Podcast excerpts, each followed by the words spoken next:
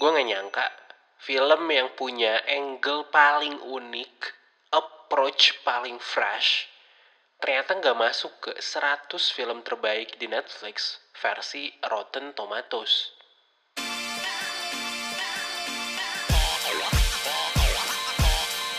Sawarika, kapun Selamat hari Senin semuanya. Gue Oput, Sorry banget suara gue lagi lagi bindeng tapi nggak apa-apa. Uh, selamat datang di hidangan pembuka episode 8. Untuk pendengar baru, selamat bergabung. I hope you're going to enjoy the ride. Dan untuk pendengar yang datang lagi, thank you man, I love you so much keep doing you dan semoga kopi lo rasanya enak terus. Amin. Gue punya pertanyaan nih. Sebenarnya yang lo pikirin pertama kali ketika lo ngedengerin film Thailand itu apa sih?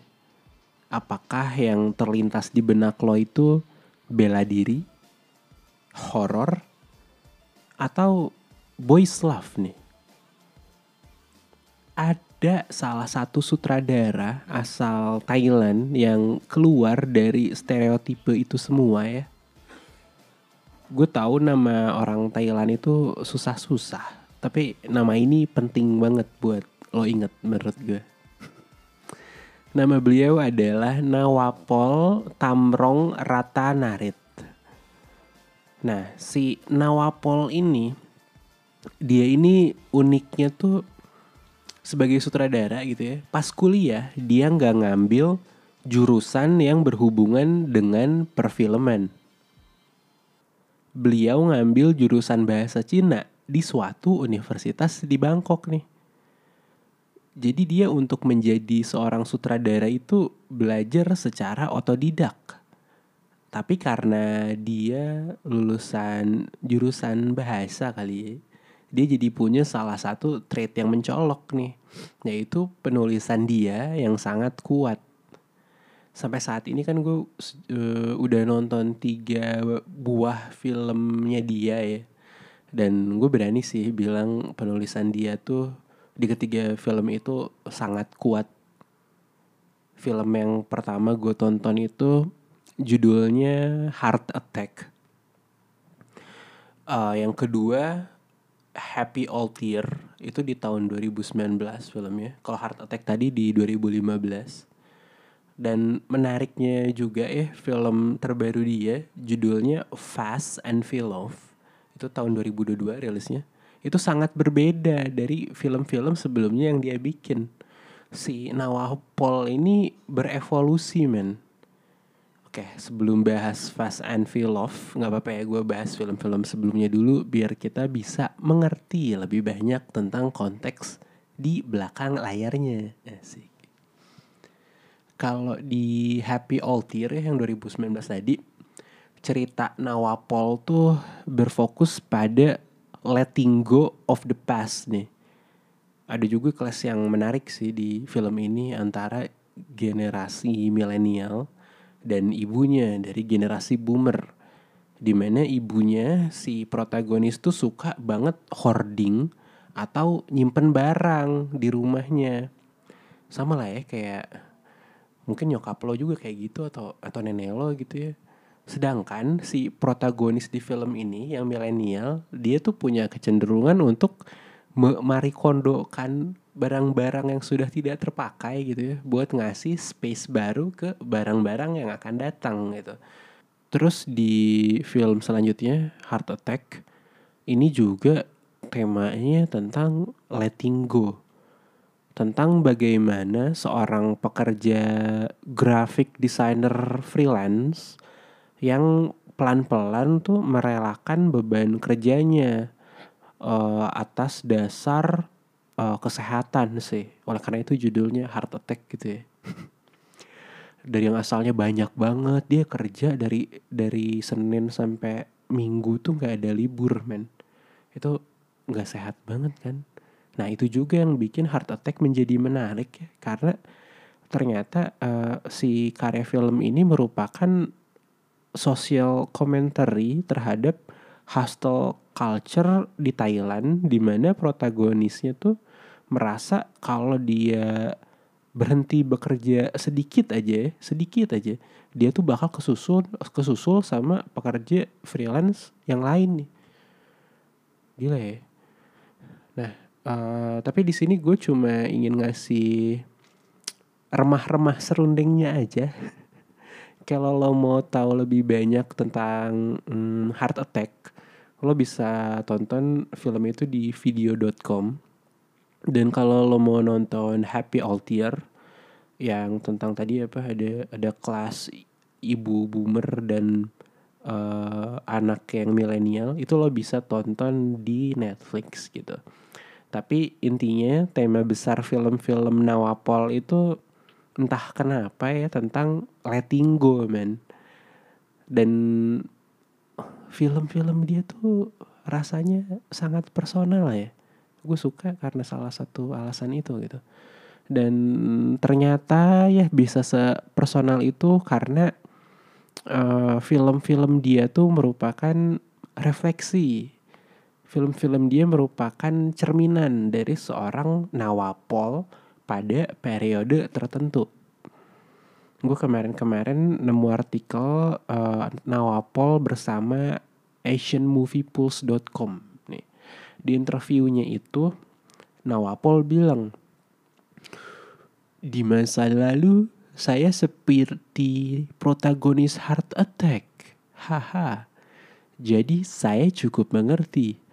Bagi saya menjadi freelancer adalah kutukan karena jalur karir ini sangat kompetitif. Dan ini juga berkaitan dengan kreativitas ya. Anda tidak dapat berhenti berlari dan, dan tidak dapat berhenti memperbaharui diri sebagai freelancer. Kalau Anda berhenti, Anda akan tertinggal. Jadi saya di situ berpikir, akan menarik nih untuk menjadikan ini sebagai konflik dalam film saya. Karakter utama harus bersaing dengan ambisinya sepanjang waktu. Dan setelah menyelesaikan film Heart Attack, saya jadi belajar banyak tentang work-life balance seperti si protagonis. Dan sekarang saya adalah pribadi yang berbeda dari karakter protagonis tersebut. Anjir. Gila ya, cita-cita banget tuh. Si Nawapal. Udah mah filmnya rampung dengan super cakep gitu ya. Terus dia jadi orang yang lebih baik juga gitu setelah ngerjain project itu gitu. Jadi menemukan work life balance. Keren banget. Terus juga interview beliau sama Maja Korbeka dari easternix.com Nah, Paul sempat bilang gini nih tentang proses pembuatan Happy Altir. Dia bilang, saya punya kebiasaan pada setiap tahun baru untuk decluttering alias beres-beres rumah. Rumah saya berukuran sedang. Saya telah tinggal di sana hampir sepanjang hidup saya. Jadi saya mengumpulkan banyak barang dalam rumah itu. Ketika saya berusia 30 tahun, saya mulai membuang barang-barang yang tidak saya butuhkan lagi. Itu dimulai hanya dengan keinginan untuk merapikan ruangan. Tetapi setiap kali saya membuang barang-barang, saya melihat ada elemen emosional yang kuat dalam proses menghilangkan benda-benda itu dari rumah saya. Ketika Anda menemukan sebuah kotak lama gitu ya. Coba deh buka dan lihat hal-hal lama dari masa lalu Anda. Kenangan itu pasti ada, men, kata Nawapol. Kalau Anda mengambil objek, Anda pasti langsung teringat tentang sesuatu, baik itu pengalaman baik atau buruk, atau bahkan kesalahan saya ingin membuat film tentang merapikan rumah dan mengajukan pertanyaan tentang kemungkinan menyingkirkan kenangan buruk. Jadi intinya di artikel ini menurut Nawapol tuh ada paralel yang sejajar ya antara ruangan dalam rumah seseorang dan pikirannya nih. Oleh karena itu dia bikin happy Altier. Nah, berkat film-film tersebut ya Nawapol ini juga sempat dicap nih cuma bisa bikin film yang gitu-gitu aja gitu dia dicap kayak gitu kalau menurut Nawapol beberapa orang tuh bilang ke dia ah lu mah nggak bisa kan bikin film yang gak slow. Soalnya film-film yang sebelumnya dia slow slow gitu yang tadi dua gue sebutin itu. Dan inilah yang gue suka tentang Nawapol gitu ya. Dia tuh saat ngerespon kritikan orang-orang itu ya dia tuh nggak ngebikin karya yang lebih cepetan sedikit anjing tapi dia bikin film dalam tanda kutip action ya man dia bikin film action tapi dengan gayanya sendiri. Film yang dia bikin ini yang jadi judul episode podcast ini ini tuh kayak dalam tanda kutip jari tengah untuk para kritik. Dan ngebuktiin bahwa dirinya tuh bukan cuma capable doang tapi dia juga bisa ambil angle-angle segar gitu maksud gue gimana nggak segar gitu ya si Fast and Furious ini pertama gitu ya sebagian besar film Thailand tuh kan biasanya berbicara tentang kehidupan remaja gitu ya. Eh, orang-orang di usia akhir 20-an gitu. Nah, di sini Nawapol keluar dari kestandaran itu gitu. Dia tuh di film ini ngebahas kehidupan berusia 30 tahunan, men. Terus kedua, Fast and Furious ini tuh nyeritain tentang atlet sport stacking, man. Kapan lagi anjing ol olahraga jenis itu dibahas? Gila gila. gila. Oke, misalkan lo nggak tahu gitu ya apa itu sport stacking. Sport stacking itu adalah olahraga seorang diri di mana lo berusaha buat nyusun 12 cup plastik gitu ya ke dalam bentuk uh, ada tower, terus ada apa lagi gitu. Pokoknya dalam waktu yang cepat deh. Tujuannya tuh secepat-secepat secepat-cepatnya gitu ya dan musuh utama di olahraga ini tuh adalah waktu gitu jadi lo harus jadi yang paling cepat gitu nah si atlet ini namanya Kao di film ini tuh dia protagonisnya dia punya ambisi buat jadi yang tercepat di dunia ini. Dia ini orang yang kalau semisalnya sport stacking tuh mendadak hilang dari dunia gitu ya seketika kayak dalam jentikan Thanos gitu ya petek gitu. Si si kau ini gue rasa dia bakal bingung banget sih di hidupnya mau ngapain men. Kalau cowok brengsek itu namanya Mokondo gitu ya si kau ini gue rasa dia mosking do anjing hidupnya modal stacking doang Nah, si Moskindo ini pas SMA ketemu seorang cewek. Nama ceweknya J. Dia ini adalah orang biasa yang tidak punya mimpi.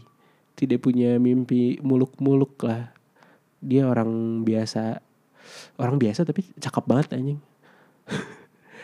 tapi meskipun dia orang biasa gitu ya ngerasanya si J ini punya kebaikan yang luar biasa nih kalau kata kau itulah super powernya si J dan bener juga sih karena kan yang gue rasa nggak gampang jadi orang sebaik J gitu ya orang setulus dia gitu dan si J dan kau ini pertama kali bertemu di tahun 2005 pas SMA gitu ya.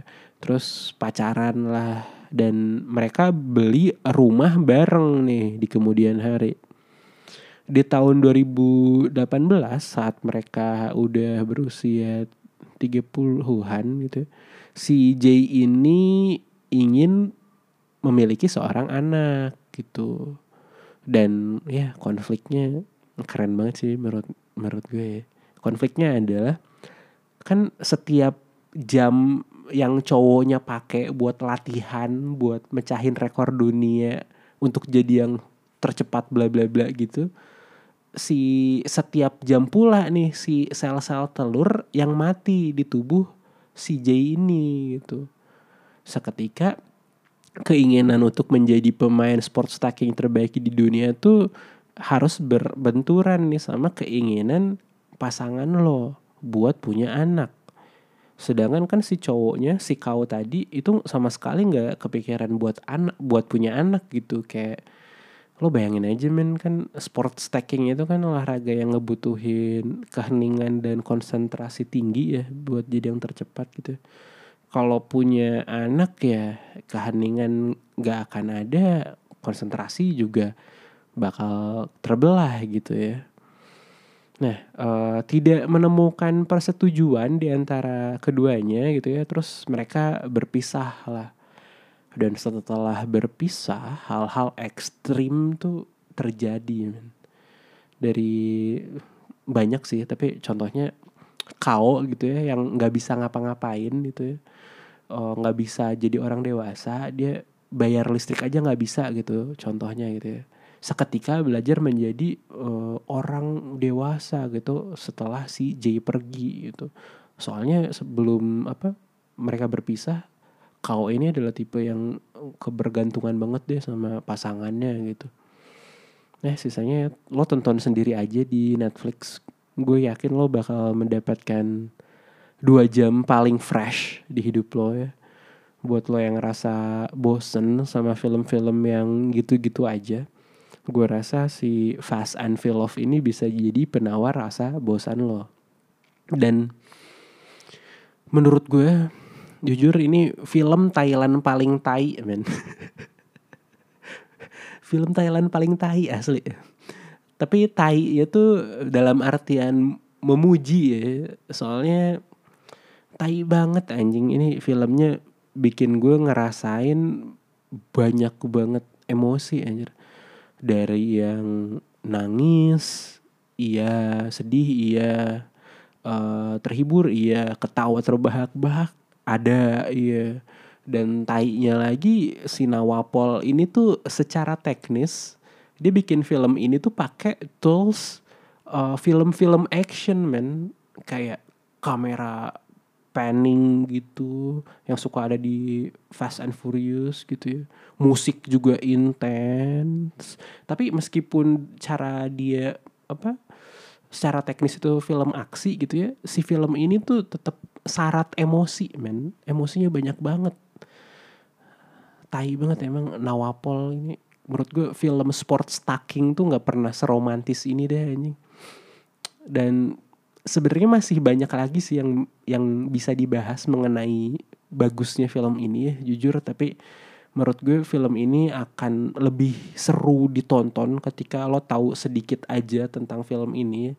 Jadi gue lebih memilih untuk uh, bicara banyak tentang kreatornya, tentang si Nawapol tadi gitu. Terus juga kalau di awal gue bilang film-film Nawapol tuh merupakan cerminan dirinya gitu ya. Itu juga berlaku nih di Fast and Feel Love si Nawapol itu ternyata pas sebelum uh, bikin film ini dia di kehidupan nyatanya juga baru beli rumah dan baru pindah sama kayak si Jay dan Kao gitu. Ada interview dia bareng New York Asian Film Festival atau disingkat NYAF. Si Nawapol bilang gini nih, saya seorang pembuat film yang hanya tahu tentang pembuatan film. Punya rumah baru itu hal yang sangat baru bagi saya. Mungkin beberapa masalah biasa di rumah itu mudah terselesaikan oleh orang biasa. Tetapi buat saya sulit saudara-saudara. Jadi saya mulai memiliki gagasan bahwa seseorang, seseorang yang pandai banget dalam suatu hal di hidupnya seperti saya gitu ya gak bisa melesaikan hal-hal basic di kehidupan orang dewasa. Jadi saya punya ide, bagaimana jika jika Alfred tidak memiliki Batman? Apa yang akan dia lakukan? Fast forward, fast forward, fast forward, terus lahirlah film ini gitu. Jadi ini dari cerminan Nawapol juga gitu ya. Ya gitu aja gue rasa jadi misalkan lo single dan lagi suka sama seseorang, menurut gue ajak orang itu buat nonton Fast and Feel of di Netflix. Karena lo di, dengan film ini lo bisa ngetes anjing kalau dia ketawa, kalau dia terenyuh berarti dia orang. Kalau dia nggak ketawa dan nggak terenyuh, dia robot dan mendingan besoknya lo ghosting aja dia men. Gitu aja, gue Oput pamit dan tonton Fast and Feel Love karena film sports stacking gak pernah seromantis dan selucu ini. Bye-bye.